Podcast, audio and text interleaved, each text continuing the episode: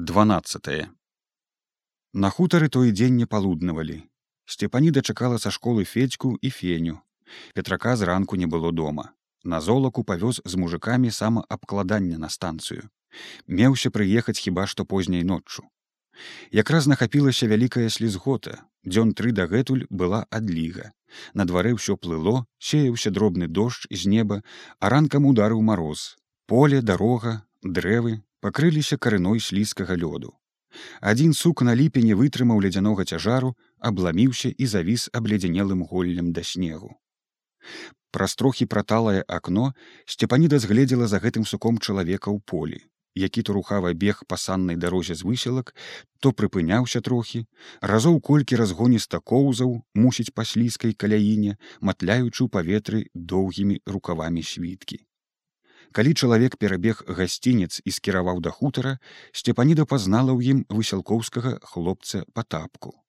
Патапка быў пераростак у школу зімой не хадзіў не меў што абуць і цэлымі днямі сядзеў на лаве ў хаце палову якой займаў сельсавет.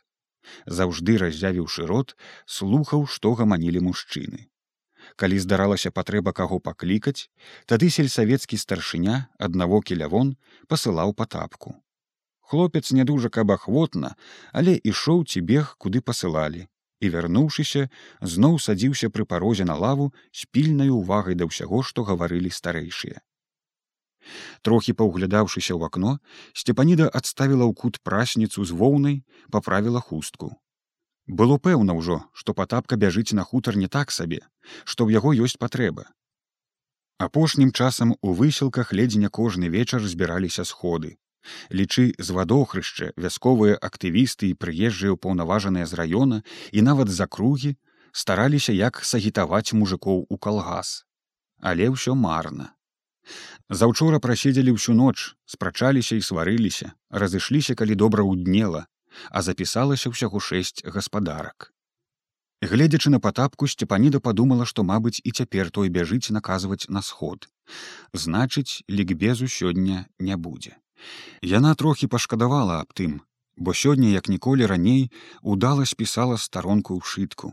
І словы, можа, першы раз за зіму выйшлі даволі зграбныя, амаль скрозь роўненькія, Мабыць, у школе пахвалілі б.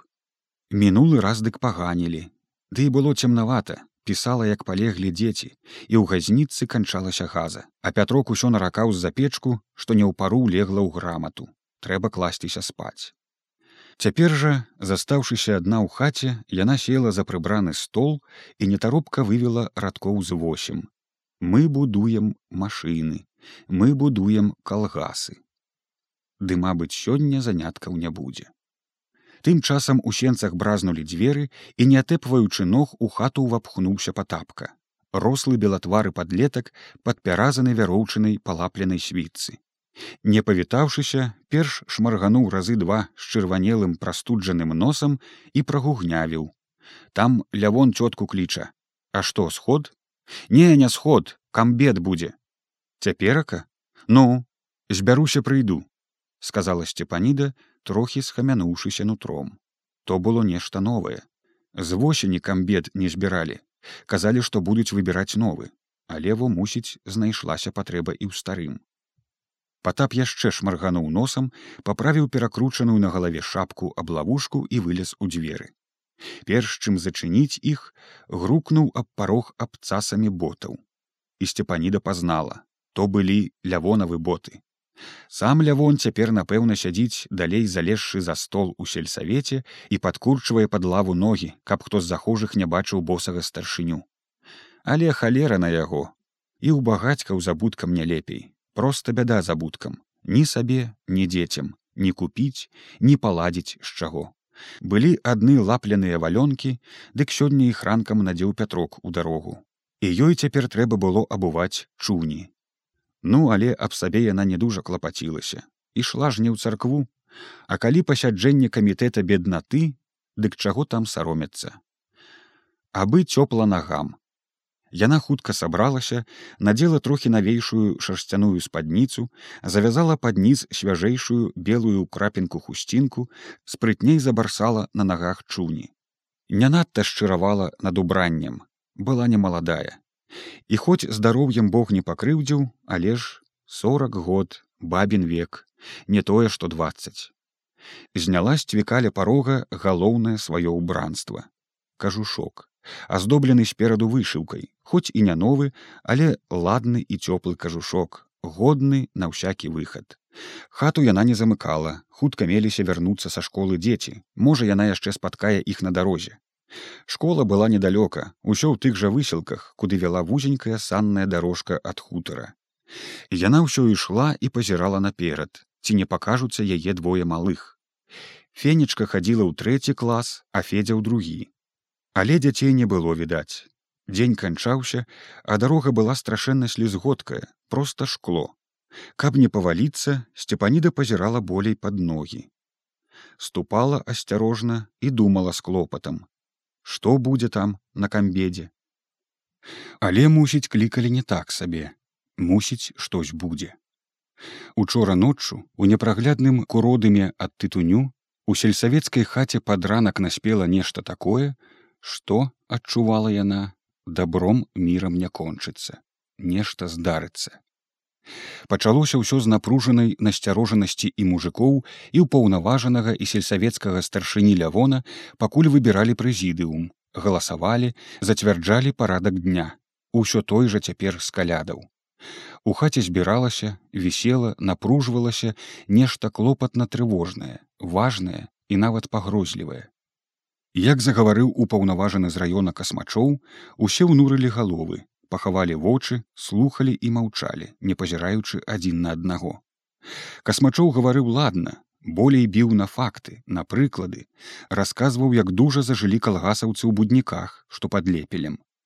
Другі год вялікія ўраджаі, будуюць клуб, на полі аруць два трактары, набылі малатарню, жняяркі, даволі ім высялкоўцам трымацца за свае вузкія шнуркі надзелы і гібець у беднасці і нэндзе калі свая савецкая ўлада дае магчымасці ідзе насустрач беднякам і сазнательным сераднякам таксама.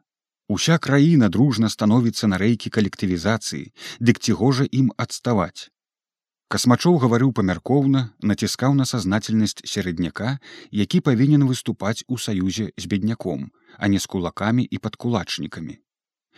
Словы ён падбіраў разумныя, хорошыя словы, і сам выглядаў разумным памяркоўным дзядзькам. Ён і быў памяркоўны і разумны. Перад тым, як стаў рабіць у раёне, гадоў колькі выкладаў гісторыю ў школе і казалі быў дужа адукаваны настаўнік. Яму верылі Але адной толькі веры для высялкоўцаў аказалася мала. патрэбны быў прыклад. А прыкладу, на які можна было б паглядзець, паблізу якраз і не было. Ля касмачова, цяжка ўзваліўшыся грудзьмі на стол, сядзеў лявон багацька з вузенькім чорным матуском наўкось цераз лоб. Лявон быў свой высялкоўскі мужик, мнагадзетны і малазямельны і, як яна з петраком, надзелены па беднасці дзвюма дзесяцінамі ехімоўшчынскай зямлі. Вока лявону выбілі на польскай вайне, недзе падвіслай, калі ён схапіўся на шаблях з двума польскімі уланамі. І яму дужа дасталася, ледзь аклемаўся ў шпіталі і вярнуўся дамоў калекам. Падцягваў нагу і не меў двух пальцаў на правай руцэ гаварыць лявон не ўмеў аніколечкі словы ягоныя былі што валуны ў полі. І ён браў болей маўчанкай упартай нязручнасцю характару. Пасля выступлення касмачова як колечы з вялікім недаборам рук прагаласавалі за арганізацыю калгаса. А як дайшла справа да запісу усё прыпынілася. Лявон тады нязграбна у кажусе падняўся за сталом над ушчэнт закапцелай лямпай і сказаў падняўшы руку калі так я першы хай і выклікаю паследаваць прымеру багацьку сцепаніду гэта ўжо было нешта новае. Тыя разы лявон таксама записываўся першы але следаваць прыкладу не выклікаў. За ім записываліся сцепаніда антос недасека дэмабілізаваны чырвонаармеец беззямельны василь ганчарык і на тым наступаў перапынак. Болей ніхто не записываўся сядзелі моўчкі курылі зноў выступалі ўпаўнаважаныя мацерна лаяўся лявон за несазнательнасць і зноў марна цяпер сцепаніда ўстала з лавы пад сцяной і сказала што згодная ўступіць у калгас А каго выклікаеш паследаваць прымеру, напружана ўставіў у яе адно вока лявон. Сцепаніда трохі сумелася. Пакуль стаяла адна кля лавы над угнутымі спінамі мужикоў і азірала іх ускудлачаныя сівыя лысаватыя патыліцы, сутуленыя гадамі працай і гэтым неспадзяваным клопатам плечы ў кажушках паддзёўках цалейшых і палапленых армячках сцяміла.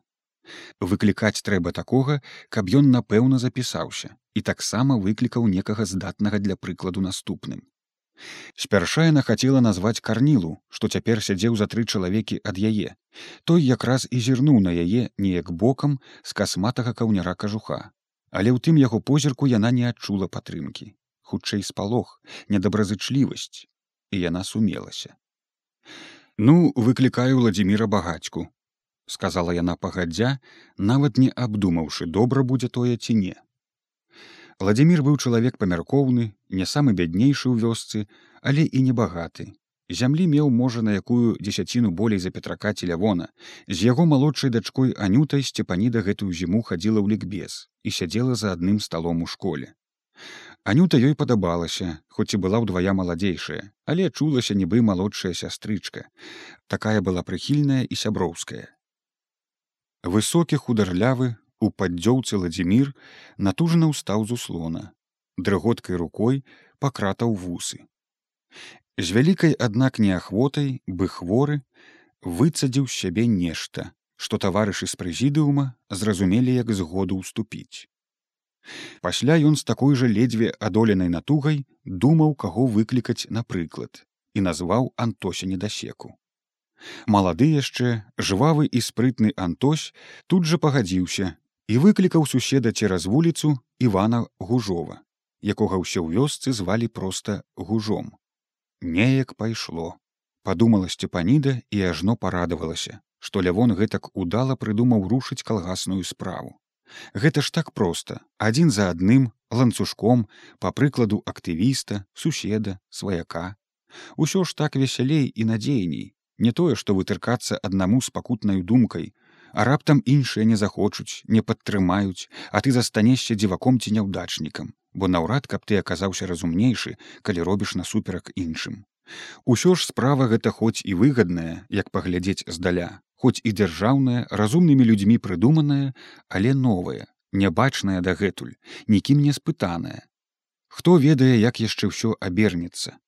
Можа дзе і абярнулася добра але ж там мусіць і зямля лепшая не такая як тут то пясок то гліна а то і балота Ды і людзі напэўна больш здатныя не тое што тут. Каго не вазьмі дык калі не гультай дык не моглы. А то сквапны праз меру то сварлівы негаспадарлівы ці тупаваты за вельмі. Яны і для аднаасобства не дужа здатныя. А як будзе ў калгасе? За сябе сцепаніда не надта баялася яна як усе. А калі ішла добраахвотна і першай дык болей таму што была бяднячка уведала не выкрутку на дзвюх дзесяцінах, дзе толькі надарвешся на той гліне пад ровам. Хопіць таго, што яна надрывалася ў парабках пана Яхімоўскага, шэсць год рабіла, не шкадуючы сябе. А што зарабіла? Добра яшчэ далі ягоную хату ды дзве дзесяціны. Як бы жыла інакш, з петраком, такім жа, як і яна парабкам, ды двума нажытымі дзяцьмі. Цяпер сцепаніда акраяла душой. Урэшце зрушылася, пайшло. Будзе калгас. Што ўжо чапляцца за тую бядняцкую нэнзу? Ці не пара саступіць са спрадвечнага і даверыцца новаму? Тым больш калі разумныя людзі раяць.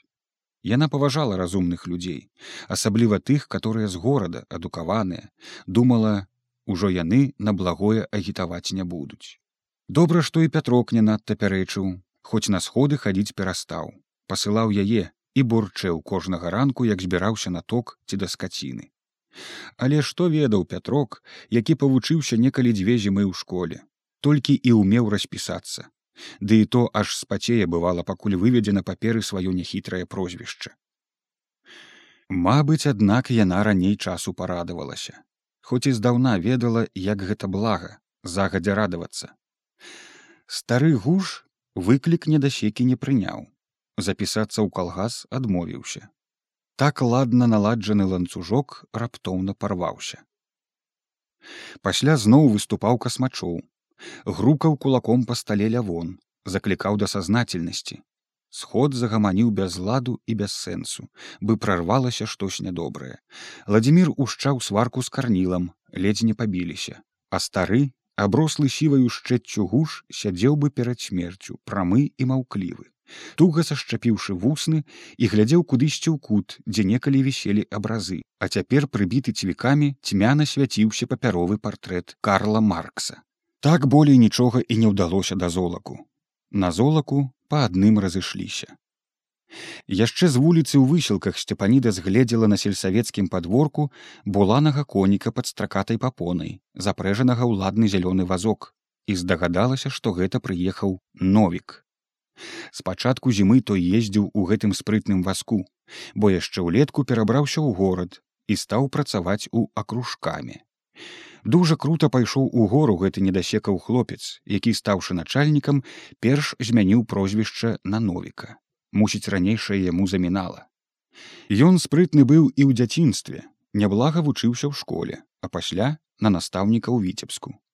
Але настаўнікам рабіць не схацеў падаўся ў кіраўнікі гэты не касмачоў подумала сцепаніда паварочваючы да сельсавета гэты ўсіх тут бачыць наскрозь і не глядзі што тутэйшы а з людзьмі трымаецца строга па начальніцку і наогул прынцыповы дзелавы кажуць дужа парцейны. Зрэшты, думала яна, можа цяпер такім быць і трэба, бо з нашымі людзьмі інакш нельга. Калі яны што і прызнаюць, дык гэта ўладу і строгасць. Сельсавецкая хата стаяла пры самай вуліцы ў сярэдзіне вёскі. Доўгая, нізкаватая будыніна пад дранкай з рудавата аблезлай палатняной лозунгаў падстрэшшы, на якой белымі літарамі значылася цясней змычку горада з вёскай. Сяней пры хаце не было. Адчыніўшы дзверы, прыхожы адразу трапляў у вялікі пуставаты пакой, дзе некалі жыў высланы псаломшчык конан з вялікай сям'ёй. А цяпер кватаравала хворая каландзёнчыха з сынам, на выгляд не то дзецюком, не то падлеткам, патапам. Ля парога сцепаніда трохі атэпала чуні і расчыніла дзверы адкуль яе абдало цяплом напаленай грубкі, а нізам з-пад ног сунулася воблака сцюжы. Яна таропка зачыніла дзверы і спынілася, стараючыся ўгледзець, хто ў сельсавеце. Там сям сядзела некалькі мужчын, у падстолле плавалі круціліся шызыя космы дыму. Гучная размова мужчын разам спынілася. Во і багацька, сказаў з-за стала лявон і змоўк. Яна павіталася і села на краёчак лавы каля дзвярэй. ведала пытацца няма чаго, зараз і без таго ўсё праясніцца. Яна толькі стрымана зірнула на заклапочаны, нават прыгнечаны твар старшыні, што сядзеў над нейкай паперчынай. Перавяла позірк на ладную падцятую постаць новіка, падпяразаную шырокай ваеннай дзягай па зялёнага колеру фрэнчы яго зграбныя з бліскучымі халявамі боты у якіх ён энергічна крочыў ад акна да грубкі цераз пакой і відаць гаварыў нешта важнае перад яе прыходам чорны шарсткаваты чуб яго раз за разам спадаў на лоб і новік энергічна трухнуўшы галавой закідваў яго назад у парозе поркаўся каля грубкі патапка соваў у топку тоўстыя смаляныя палены, ад якіх аж гулоў некалі пабеленай, але добра ўжо абшкрэбанай сялянскімі плячыма грубцы. Побач з услона за ім дужа пільна сачыў малодшы недасека, які цяпер гаспадарыў сям'ёй у бацькавай хаце і які сцепаніда быў членам камітэта беднаты. Аблезлы залаплены кажушок на ім быў шырока расшпілены ад цеплыні. У хаце ўвогуле было цёпла.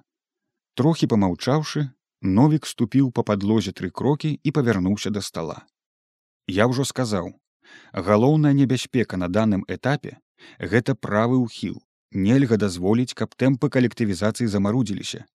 Тым больш сарваліся. А ў вас именно так зрыў галавацяпства. Восем сходаў і не можете арганізаваць калгас. Мяккацеласць і папусціцельства класаваму ворагу. Таварыш старшыня колькі вы раскулачылі? Новік раптам жывава павярнуўся на абцасах і апынуўся перад лявонам. Той недаўменна падняў свой аднавокі твар з сінім шрамам на левой шчаце а каго раскулачваць? Галота ах галота! Дык чаму ж тады твая галота байкаціруе калгаснае будаўніцтва? А таго што баіцца не ведае. Як будзе ў калгасе не ведае не шутачкі. Як будзе партыя сказала у рашэннях з'езда саветаў напісана. Ці вы не растлумачвалі? Мы растлумачвалі. Сознательная часть сялян за але сознательных мала.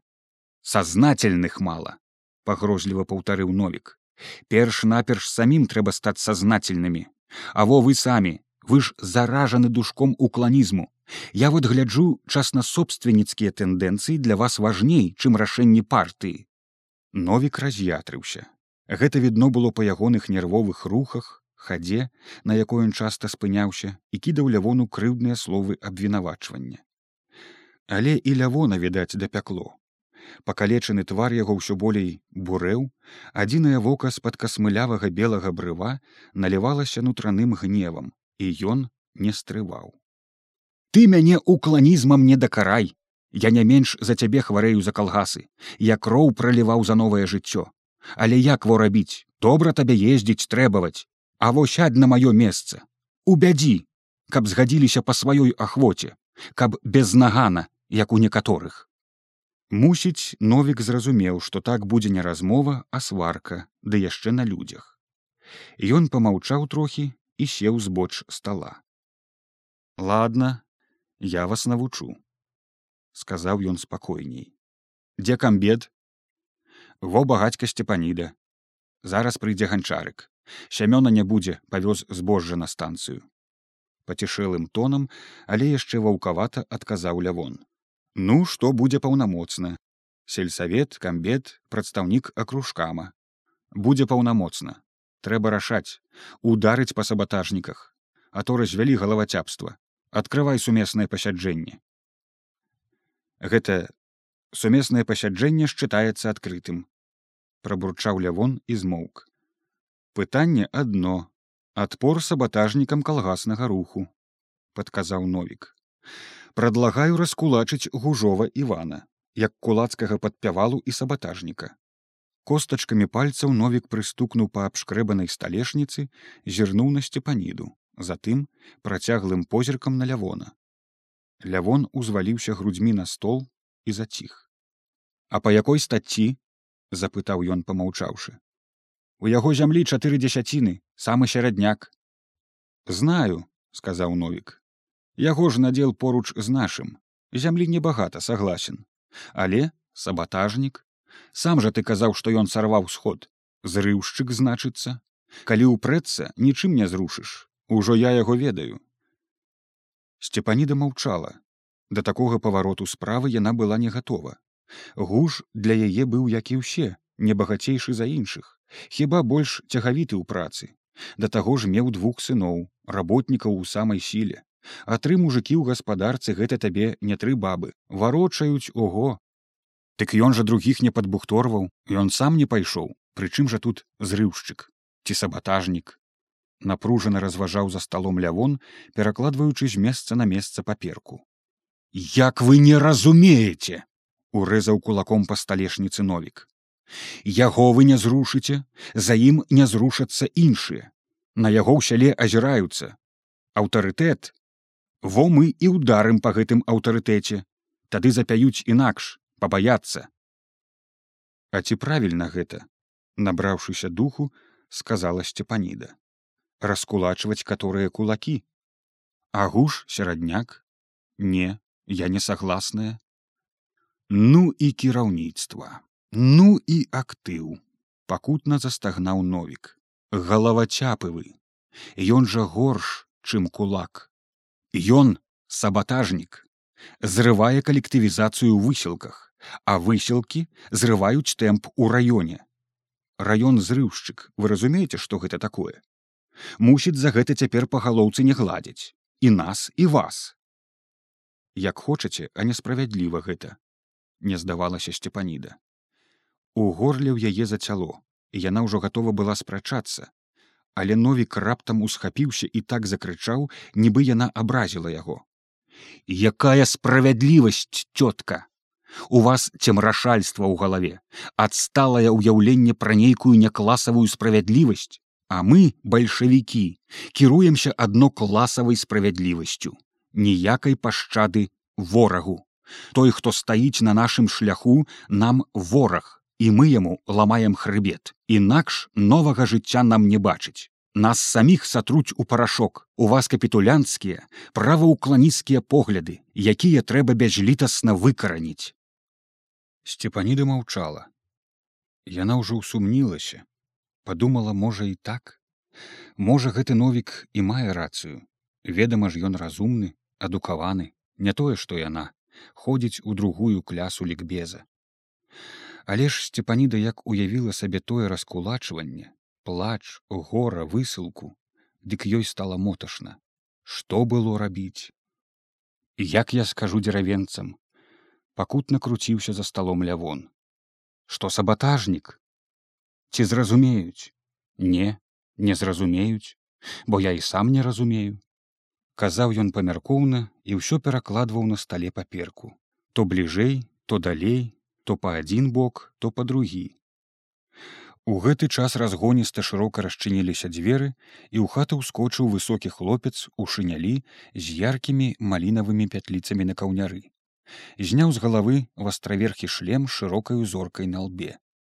Сам быў счырванелы запыханы мусіць спяшаўся а вочы яго свяціліся жвавасцю і задавальненнем позніся ганчарык змрочна папракнуў лявон даўно трэба толькі прыбег з мястэчка маці кажа камбед. Василь ганчарык павітаўся за руку з новікам пасля з лявонам абышоў астатніх недасеку падаў руку па тапу паціснуў сцюдзёнымі пальцамі далонь сцепанідзе я каля вас цётка сядай пасунулася трохі сцепаніда ёй аднак было не да ганчарыка вялікі клопат затлуміў яе галаву пра што гамана запытаў ганчарык усё яшчэ усміхаючыся прывабнымі ямкамі на зружавелых шчоках Ён толькі ўвосень прыйшоў з войска адслужыўшы недзе на далёкім усходзе цяпер збіраўся жаніцца на ягонае пытанне аднак ніхто не адказаў Усе клопатна надзьмуліся, і ён, нешта адчуўшы, таксама сагнаў з твару мілую ўсмешку. Сцепаніда шапнула: Гужа раскулачваюць. Во што! Так раскулачваюць, зноў пачаў новік. І няма чаго рассусольваць. Калгас пад пагрозай зрыву, А гуш, наёмны труд быў, раптам запытаў новік і насцярожыўся, чакаючы адказу.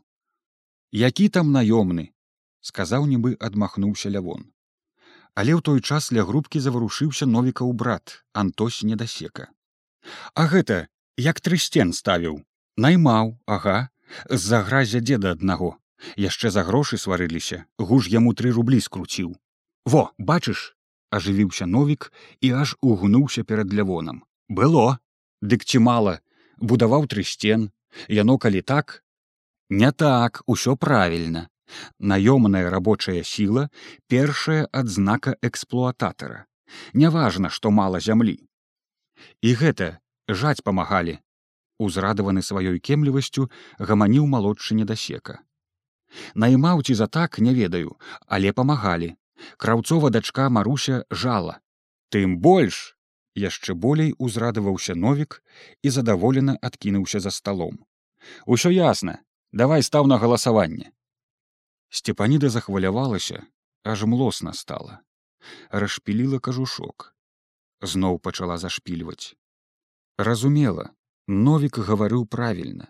Гэты гуш упёрся не зрушыш, і на яго азіраюцца іншыя.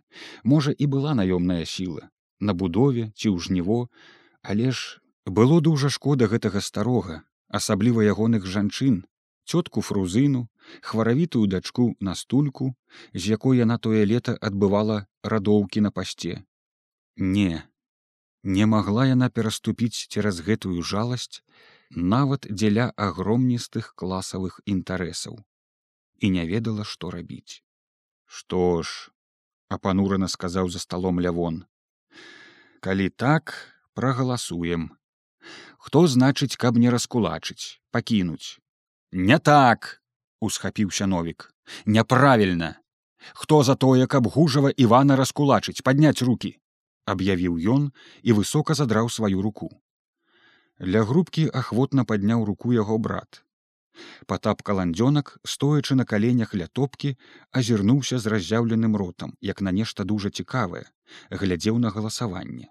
Сцепаніда, хаваючы вочы, з-пад лба касіла позірк у застолле, каб бачыць, як будзе лявон. Той, аднак яшчэ болей угнуўся, аблёгся на сталешніцу, а рукі не падняў. Дык што ж, незадаволена сказаў новік і апусціў руку на стол. Хто супраць раскулачвання? Не паднімаючы галавы ад стола, варухнуў у паветры даланёй лявон. І сцепаніда тады таксама трохі прыпадняла руку. Два на два значыцца, расчаравана абвясціў новік. Дзяла. А ты ганчарык, раптам уставіўся ён на Васіля, і сцепаніда сцяміла, што хлопец не галасаваў ні за, ні супраць. Я ўстрымаўся, просто сказаў Васіль. Як гэта устрымаўся? Аж страпянуўся новік і ўскочыў з лавы. Як гэта устрымаўся? Ты, камсамолец, дэмабілізаваны чырвонаармеец. Хочаш працаваць у чырвонай міліцыі і ўстрымліваешся ад вострай класавай барацьбы? Дык што ж ты? Сознательно іграеш на руку класаваму ворагу гняўліва крычаў ён усё бліжэй падступаючы да васіля. Той толькі міргаў прыгожымі не быў дзяўчыны вачмі. А калі я не разабраўся? Разбірайся.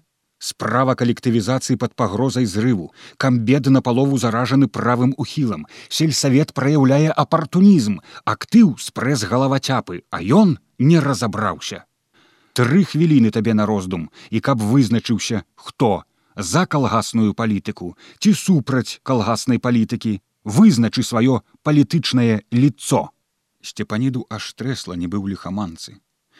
Целу стала нястерпна горача пот плыў па спіне. Адчула зараз штосьці рашыцца. Ад васілёвага голасу будзе залежыць лёс гужовых. І можа лёс калгаса таксама Сапраўды Васіль думаў не болей за тры хвіліны. Штосьці прыкінуў, угнуўшы твар да падлогі, і ягоныя пальцы на каленях у сініх галіфе ціхенька дрыжалі. Новік стаяў насупраць, чакаў: Ну, так ладно, я за. Рашыў ганчарык і выпрастаўся. Новік круто павярнуўся ад яго да лявона. Усё прынята большасцю галасоў. Аформіць у пратакол. Гужоў. Иван падляжыць раскулачванню